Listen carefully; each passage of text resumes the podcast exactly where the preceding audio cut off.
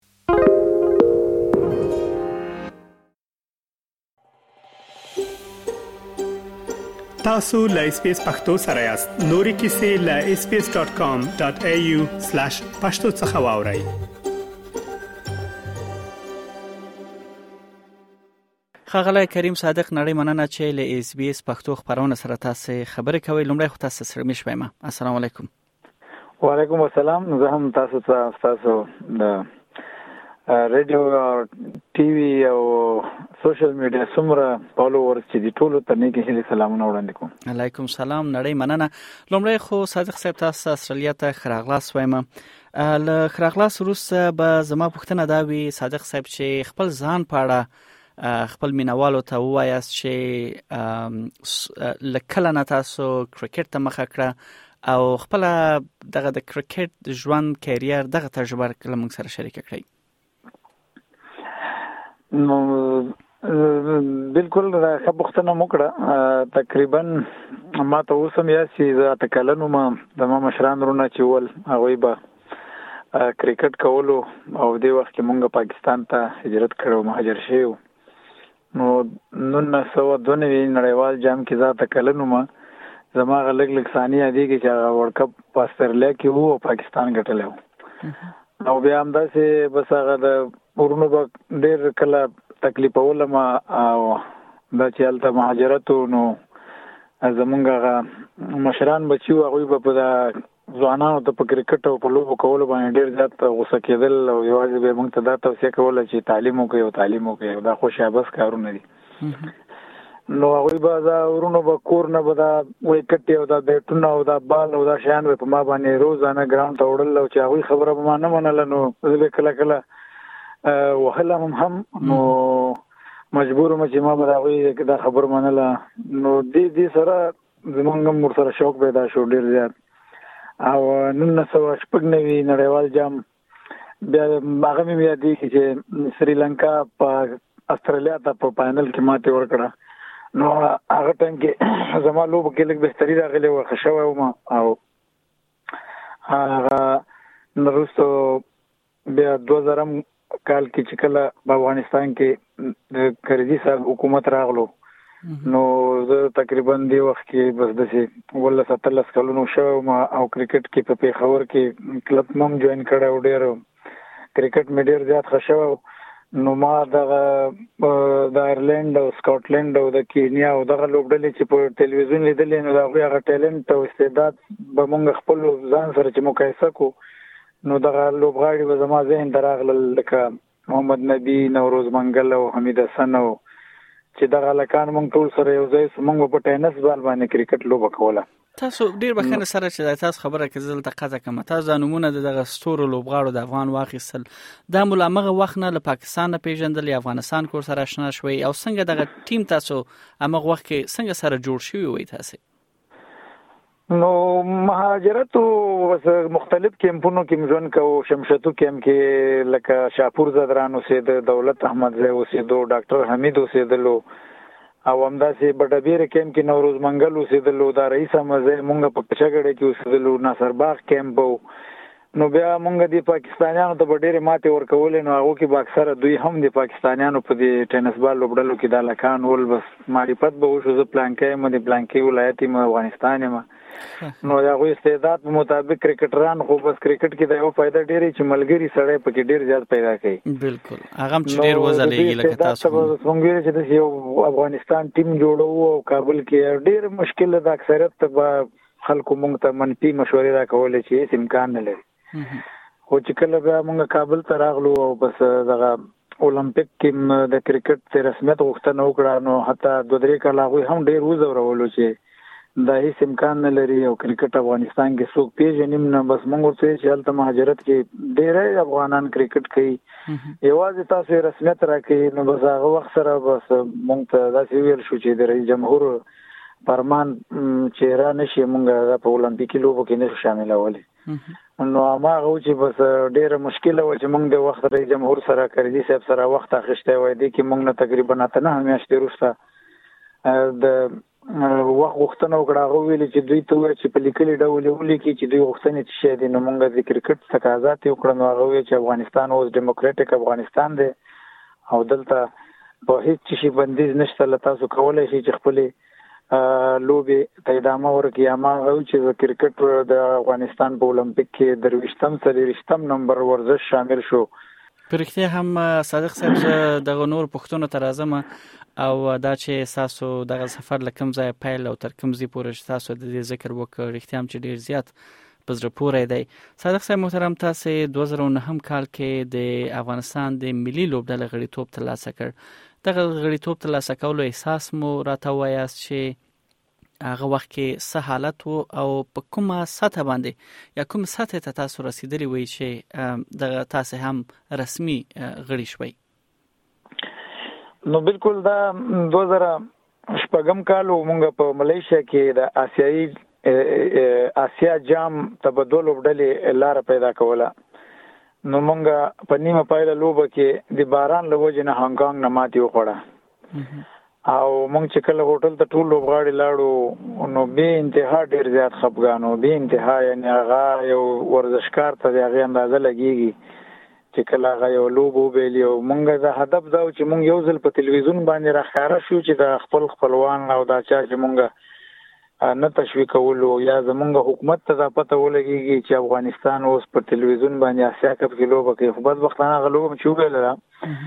نو سبا ته زمونږ د دریم مقام لوب نیپال هیواد سره و نو مونږ ټول لوبغاړي لوب نه بجې شروع کیږي مونږ اته بجو پر پورټلو کې ویدیو نو مونږ نه غواړو چې د دریم لوبې ته راشو لکه مونږ خو نه ویو کنه د دې ارزښت راته اندازه نه لګیږي نو دا سیاسي شورا مشران زر زر راغله چې وسړی تاسو د غدریم پوزیشن د پاره نیپال سره لوبه ده د دریم مقام او تاسو زر راشي نو باور پالاو کې چې اکثریت لوبغاړو مخونه نو منځلي له خوبه راپاڅېدل، همداسې لاړو میدان ته او ډایرکټ ټاس ووشتل شولو، هغه وخت هم راګیر کړو، لوبه شروع شوه، نیپال هم تقریباً مونږ ورته ډیر غټ ټارګټ ورکړ، هغوی هم په سلو نه په کمو منډو اوټ کړل، مونږ دریم مقام چې واخیستو، مونږ ته یې ویلي وه تاسو په ډیویژن ته کوالیفای شولئ، لار هم پیدا کړه. ډیویژن جرسی کې وو او پنځم ډیویژن او شپاړس هیوادونه هغه مات کړ څلورم ډیویژن تنزانیا کې وو هغه کې ټول هیوادونه مات کړ فاینل هم قهرماني مو ګټله دریم ډیویژن ارجنټاین کې ټول هیوادونه مات کړ دغه هر یو سفر بیله بیله کیسه ده او جالبې جالبې خاطرې دي او ډېر لاندې وروسو پاس پکې تللي وو خپګانونه کیسې پکې ډېرې زیاتې تېرې شوي حکومت بودیجه نشته لوبغاړو سره څه پر خرچ نشته مونږ په جرسی کې په یو وخت خوراک کولو غرمه هغه هم چپس خوړل دا خبره ډیره زیاته په مشوره شوې و نو چې کله مونږ دریم ډیویژن وګټل نو مونږ ته ویل شو چې تاسو به اوس د 2019 نړیوال جام لپاره لار پیدا کوئ چې هغه کې هغه کوي لوبډلې چې مالک مخکې خبرو کې یادونه وکړه سکاټلند او ایرلند او کینیا او دغه لوبډلې کاناډا موږ سره په دې ګروپ کې وي نو هغه ځای کې مونږ پس کاناډا نه یو لوبه وبېلله چې نړیوال جام نه پاتې شول نو ډیر زیات خپه وو بس بیا یو لوبه راکړه کړل شو ایرلند سره چې هغه مونږ ته ویل کې تاسو دا وګټل نو سلور کلو لپاره د کرکټ د 500 اوریزو نړیوال عضویت ترلاسه کوئ نو هغه لوبه مو ډېر په جذبې سره وکړه ډېر شوق سره مو وکړه بیا پکې هغه ما ټپم پکې ویلې چې لستونې وباسې ګډېږي او د غریبانو خادي کله کله وینه نو هماغه ځای باندې هغه وخت خوشحالي احساس زه بالکل نشم کولای دا نن چې تاسو څومره د افغانستان لوبغاړي ګوري په غټو غټو لیګونو کې لوبیږي نړیوال جامونو کې لوبیږي موږ اوس ټیسټ کرکټ کوو موږ پول ممبرشپ یو موږ نور دا د کوالیفاینګ راوند نه راوتلی وو هر ټورنمنت کې مستقیما برخه اخلو نو هغه خوشحالي چې وا د دې نن ورځې د موږ د ځوانانو د افغانستان د نیکنامۍ دپاره وه او ډېر زیات د افتخار نه ډکه ورځ وه او نه هېرېدونکې ورځ وه او همیش به په ژوند کې یاد ساتو پرختیا هم صادق صاحب دغه قصه چې تاسو په کوم انداز وکړه نو هر اوریدونکو چې دا اوري همدغه سه د خوخه احساس وکوي د ویاړ احساس وکوي او دغه ویاړونه تاسو ټول ته یعنی راځي کېږي چې تاسو دغه زیار وېسه دی چې بنسټ مو کې خود صادق صاحب خپل د کرکټ کیریر خپل دغه دوره چې تاسو ولوبېدلې په نړیوالو لوبغالو کې تاسو ولوبېدلې او بیا وخت دې را ورسېد چې تاسو یعنی لکه کرکټ څخه خدای پامانی واخلې او ترې لرې شي دغه وخت مو په لندو الفاظو څنګه ارزوي او څومره دغه لاسته راوړنې تاسو لپاره مهمه وي نو بالکل کرکټ نن سبا د ورزش سره سره یو بزنس هم ګرځیدلی دی او ډیری هیوادونه لکه هندستان پاکستان بنگلاديش سریلانکا ډیر زیات خلکو ته پکې د کار زمینه برابرې دي ډیر خلکو ژوند ور سره خښوي دی او همداسې مونږ غواړو چې دغه افغانستان هم د دې کرکټ بورډ د دې موجوده وخت د ماډرن کرکټ نه په خپل بورډ د پاره کاپي آیت او کاپي بودیجه پکې پیدا کی تر اوسه پورې نه دي توانېدلې نو مشکلات مونږ ډیر زیات تیر کړی دي او ما هم تر اوسه پورې هغه افیشلی کرکټ نه استفاده نه کړې ما چې څومره لاس راوړنې دي هغه سکرین نه بهر وي نو زمونږ مینوالو بدبختانه په تلویزیون باندې ونه لیدلې او مونږ چې کله پول ممبر نو زمونږ غرنزونه داسې شول چې هغه کاونټ نشول حساب کې را نغلل نو ټول چا خبره په سین لا شول خو په مختلفو ویب سایټونو کې زمونږ د لوبو هغه ټول هغه زما د پرفارمنس هغه هغه څه شته دي نو زمونږ په هغه نړیوال کرکټ ایوریج کې کم حساب شول نو هغه نه روسته هم بیا نړیوال کرکټ کې ما دوه سلیزې د افغانستان لپاره کړې نو ان شاء الله اوس دلته هم ورچې راغلی ما نو خپل کوچ او کپتان په صفت دلته استرالیا ته راغلی ما دلته کافي امکانات دي د کرکټ د کولو لپاره او کرکټ کې عمر بالکل شته نه بس کرکټ چې د فټنس لوبه ده د روغ صحت لوبه ده نو خپل مهنت او هغه مبارزه مې جاری ساتلې ده او هدف مې دا دی چې افغانستان شپږم ځل دی چې اوس په استرالیا کې ځکه نړیوال جام کېږي برخالي او د مونږه مینوال مونږ نه دا ډېرې هیلې لري چې باید مونږ اوس د دې وختونو کې باید یا یو نړیوال جام وګټو او دا قابلیت الحمدلله د مونږ په ټولو لوبغاړو کې شته افغانستان کې کرکټ کې ډېر استعداد دی نو هدف مې دا دی چې هغه یو دا خپل میشن می چې د نړیوال جام په ګټونو باندې ختم کم کوشش کوم ډیر هدف می ډیر لوړ دی او شپږ میاشتې وروسته به بیا زه ډیسایډ کوم یا زه بیرته ټیم ته کم بیک کوی شم او کنه کرکټ سره مخه خو کوم صادق صاحب په دې هیله چې تاسو راشي او لډیرو لوړو معیارونو سره او هغه وړتیاوي چې تاسو ورته کار کوي هغه ترلاسه کړئ صادق صاحب بیرته تاسو هم دغه خبرو کې تاسو ذکر د دې وکړ چې لا هم افغانستان سره تاسو قرارداد وو یا شته دی که هم دغه باندې هم لګ رڼا واچوي چې ورسې دند مول افغانستان کرکټ بورډ سره د سشي من حیث و او آیا دغه دند اوس هم شته ده او بل دا چې داسې ګنګوسې خبرې شوې چې تاسو استرالیا ته راغلی او استرالیا کې تاسو پناه اخیسته ده دغه سوالونو ته څه ځوابونه لري خپل مینوال ته کرکټ یو مسلک دی یو انسان هر انسان چې د خپل مسلک نه لري وساتل شي هغه نه یو بندیوان جوړیږي او هغه بیا د خپل هغه خوشحالي د لاسه ورکوي او دغه هلته استرالیا ته دوه زره دیارلسم کال نه همدغه کلب ماونټین ګیټ کرکټ کلب زه دعوت کولم چې دلته راشم دوی سره لوبې وکړم خو هغه وخت سره چې د افغانستان په نمایندګۍ به موږ سفرونه کول نو نشوای مې کولی چې دوی ته شپږ میاشتې لپاره وخت ورکړم دغه یوه داسې سلسله ده چې د انګلند او استرالیا چې دی دوی کې د کرکټ ډیر زیات ګراونډونه دي ډیر امکانات دي ډیر زیات لوبغاړي لري ډیر زیات کرکټ خوښوي ځوانان نو دغه بیا د آسیایي هیوادونو نه لکه پاکستان انډیا بنگلاديش د هیوادونو نه دغه مشهور لوبغاړي چې هغه فرست کلاس کرکټ کې فرست کلاس کرکټ د نړیوال کرکټ نه لاندې درجه والا کرکټ د سلور ورځې لوبي نو هغه لوبغاړي کافي ایکسپیرینس لري هغه په کوچینګ هم پوهیږي هغه بل لوبغاړي هم ښه روزلی شي نو هغه وخت سره به ما د افغانستان په نمائندګۍ دوی ته شپږ میاشتې وخت نشو ورکولی او بیا کرکټ کې دا په خوا خو ملز دولس کاله مفت کرکټ کړی دی یعنی تنخواګانې به نه وي او دا هدف ته رسولو چې بس بیا دا اوس هم په دې تازه تازه اخري وختونو کې درې څلور کاله به کم بې معاشه او بې کرکټ ته پاتې شوم خپله اکیډمي مې چلوله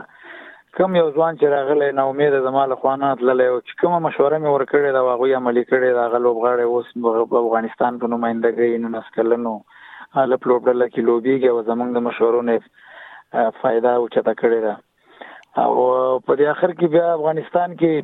د کوچ په صفت د داخلي کوچ په صفت وظیفه راکړه شوې و او بدبختانه چې ما ته هیڅ د وظیفه نه راکړل شوې چې زه یو چا سره کار وکم یعنی مونږ کرکټ تقریبا زه درته یم چې دوه نوی نه اوس واخلې نو ډیر ښکاله کرکټ تجربه لرو او دېرش کاله چې یو سړی په کرکټ کې تجربه ولري او تا هیواد په ټوله نړۍ پیژندلی زحمت یې باسلی د هغه ډېر حق جوړېږي چې په خپل هیواد کې ډېر قدر ورته ورکړی شي ډېر ارزښت ورکړی شي نو د سې دې نورو کوچز په مقابله کې زمونږ ماشم ډېر کم او کارم نه راکاو نو بیا دلته دي اسټرالیا کلب والا بیا مونږ سره رابطه وکړل دوی سره چې ما کله اګری کړل دوی ته ما ویل چې دلته به ما ته دریم لیول کوچینګ کورس راکې چې هغه زه وکم نو بیا زه د هرې نړیوالې لوبډلې کوچ جوړېدای شم ما لیول 2 کړی لیول 3 نو دوی را سره دا مجمنه وکړله او دلته د کلب ته چې راغلم کپتن هم کړم او د دوی پنځه شپږ ګریډه لوبې کوي نولس کلن دي اوولس کلن دي د ښځو لوبډلې هم دي همداسې په سینیر کې څلور لوبډلې دي زه هغه د مشرې لوبډلې کپتان یم او د نورو لوبډلو کوچ یم او د ماشومانو یې سلیکټر یم نو بیا ما خپل کرکټ بورډ ته دوه ځلې کابل ته لاړم بدبختانه چې زما خپل مشر سره وکړل چې ملاقات وکم چیرمن صاحب دوبۍ کې اوسې اوسه یو ځل ما صاحب دفتر کې وو بس بیا لږ وروسته راسه چې بیا ورغلم بیا وتلی و بیا مې څلور پنځه ځلې د ایمیل تقاضا ورته وکړه ایمیلونه چې زه داسې اسټرالیا ته ځم نو دغه ما دا کنټریک ما ته اجازه راکې ان او سی ورته وایي چې د بورډ اجازه نامه خو په الحال ما ته ان او سی مرا نکړل او زه چې کله دلته راورسېدم نو درې څلور ورځې وروسته ما معاش راته ټولو ته لګلی و زما معاش نو راغلی دلته ما خپل فامیل پریخی دی دوی ما دوی زه فامیل سره دلته راغوښتلم نو زه په الحال دلته سره یوازې د شپږو میاشتو لپاره کرکټ ته راغلم او هدف مې همدا دی چې دلته انګلیش د کما لیول 3 وکم زمونږ انګریزي کې ماډرن کرکټ کې ډیر زیات رول لري نو نه پوهیږم اوس افغانستان کرکټ بورډ کې یا خلک نان پروفیشنل دي یا یا یو یو تضاد یو تعصب کوي چې دا ډیره د بدبختی ده او دا د افغانستان په خیر نه ده ما ټولو ته دا مشوره ده چې افغانستان کې مسلکي خلکو نه باید پوره پوره استفاده واخیستل شي د هغوی د کار نه د هغوی د تجربې نه ډېر ښه ډېر ښه په دې هیله چې خپل هیلو ته ورسېږي صادق صاحب بل د افغانستان کرکټ لوبډله د مهال په استرالیا کې ده د کرکټ نړیوال جام دی تاسو هم نړیوالو جامونو کې لوبېدلی یاستئ او بیا د افغانستان د لوبډلې وروسي آسیایي جام کې هغه پرفورمنس یا دغوي کړنې او لوبې هم تاسو لنګدي وسارلې صادق صاحب خپل تجربه نه د افغانستان لوبډله په دغه جام کې تاسو څنګه ګوري چانس یې څومره ګوري ځلیدل یې څومره ګوري او بیا لبد امرغه چې د تیر ورځې خبرونه دي چې د افغانستان کرکټ بورډ د بودیجې لړ خاله سره سنځ سره مخ دی آیا دا به هم د لوبډلې پر پرفورمنس باندې اغیز ولري او کنه دغه ټوله کې تاسو څنګه ارزوي نو زه لوبغاړو ته دا مشوره ورکوم چې دا کرکټ لوبه چې ده دا د مورال لوبه ده هر یو لوبډله هر لوبغاړی چې څومره خواري کړې ده څومره فیسلیټي ورته ده هغه د افغانستان لوبډلې تم نشته پخوا چې مونږ کومې بهانې کولې، بهانې نه وې، هغه به حقیقت و چې نه و، نه وسایل و، نه امکانات و، نه روپۍ وې او تش یو افغاني غرور و، یو افغاني جذبه وه او یو یووالی و او هغه ټیم وکولای شول چې په ډېره کمه موده کې ټوله نړۍ حیرانه کړي او د کرکټ په نړۍ کې د لس غوره لوبډلو کې یعنې فل ممبرشپ واخلي. اوس الحمدلله افغانستان پوره له هر رقم امکاناتو نه برخمن ده، لوبغاړي په ليګونو کې او په هر لحاظ کاپي کاپي روپۍ ګټي، مورال خبره ده، دوه لاسونه هغوی سره هم دي، دوه لاسونه دوی سره هم دي، هغوی سره هم همداسې بېټ دی، همداسې سامان دی، دوی سره هم دی، نو دوی دې په ځان باندې پوره باور ولري چې موږ کولای شو، موږ دوی ماتولای شو، موږ سره د نړۍ غوره سپينران دي چې په ړومبی سر کې دویم او دریم نمبر کې قرار لري نبی نمبر 1 نه لونډر دی راشد نمبر 1 بولر دی مجیب په ون ډي او په 20 کې نمبر 1 بولر دی پاس بولینګ کې فضل حق فاروقي ځوان دی په دې ټوله وړ کې زه د ثاني نه ګورم په دواړه سوینګ کوي پیس لري یارکر کوي چینج کوي نوین الحق مختلف لیګونه لوبي هر رقم ویریشن سره بال کولای شي رحمان الله ګروپس کې دی هر میچ کې د سلیزې کولو صلاحیت شته ابراهیم زدران دی نجیب زدران دی عزت الله زازی دی هیڅ قسمه بهانه ته ضرورت نشته د خپلار دي شي د افغاني غرور سره د په میدان کې ورکته شي صادق صاحب محترم زما ورسته پښتنه لته څخه دا وی بیا هم ستاسو دا چې شپږو میاشتو لپاره تاسو د دې ذکر وکړ چې ماونټن ګیټ لپاره چې وکټوريا ایالت کې د استرالیا د کرکټ کلب د تاسو من حیث یو کوچ او لوبډل مشر هم یاستئ او په دغه قرارداد تاسو دلته راغلی یئ دغه مودې وروسته آیا پلان لرئ چې بیرته افغانستان ته لاړ شئ او یا دلته پناه واخلئ خبره د کرکټ د ما درته ویلي مسلک مې دا مسلک کې مې کرکټ دلته ډیر زیات زده کیږي او دلته زما د شل ورځو کې ما تقریبا 90% په خپل انګریزي باندې وګور حاصل کړی دی دوی په پوهوم ښه خبرې کوم او د ارزښت خبره ده چې ما ته افغانستان کرکټ بورډ ارزښت راکړي خپل وطن نه مې سر تن وجود ټول قربان دی او که چیرته زما ته ارزښت نه راکول کیږي نو زه خپل اولادونه لرم بچی لرم کېدای شي د هغوی د فیوچر راتلونکي لپاره مکسیمم کېدای شي ایثار شم صحیح ډیره مننه خغل صادق صاحب په دې هیله چې خپل هیلو ته ورسیږي او دا چې افغانستان کرکټ لپاره مو دومره زیات خدمت کړی دی دا نه هیریدونکې دی او تاسو تل بریالي او خپل چارو کې خوښ اوسئ قربان شه ډیر مننه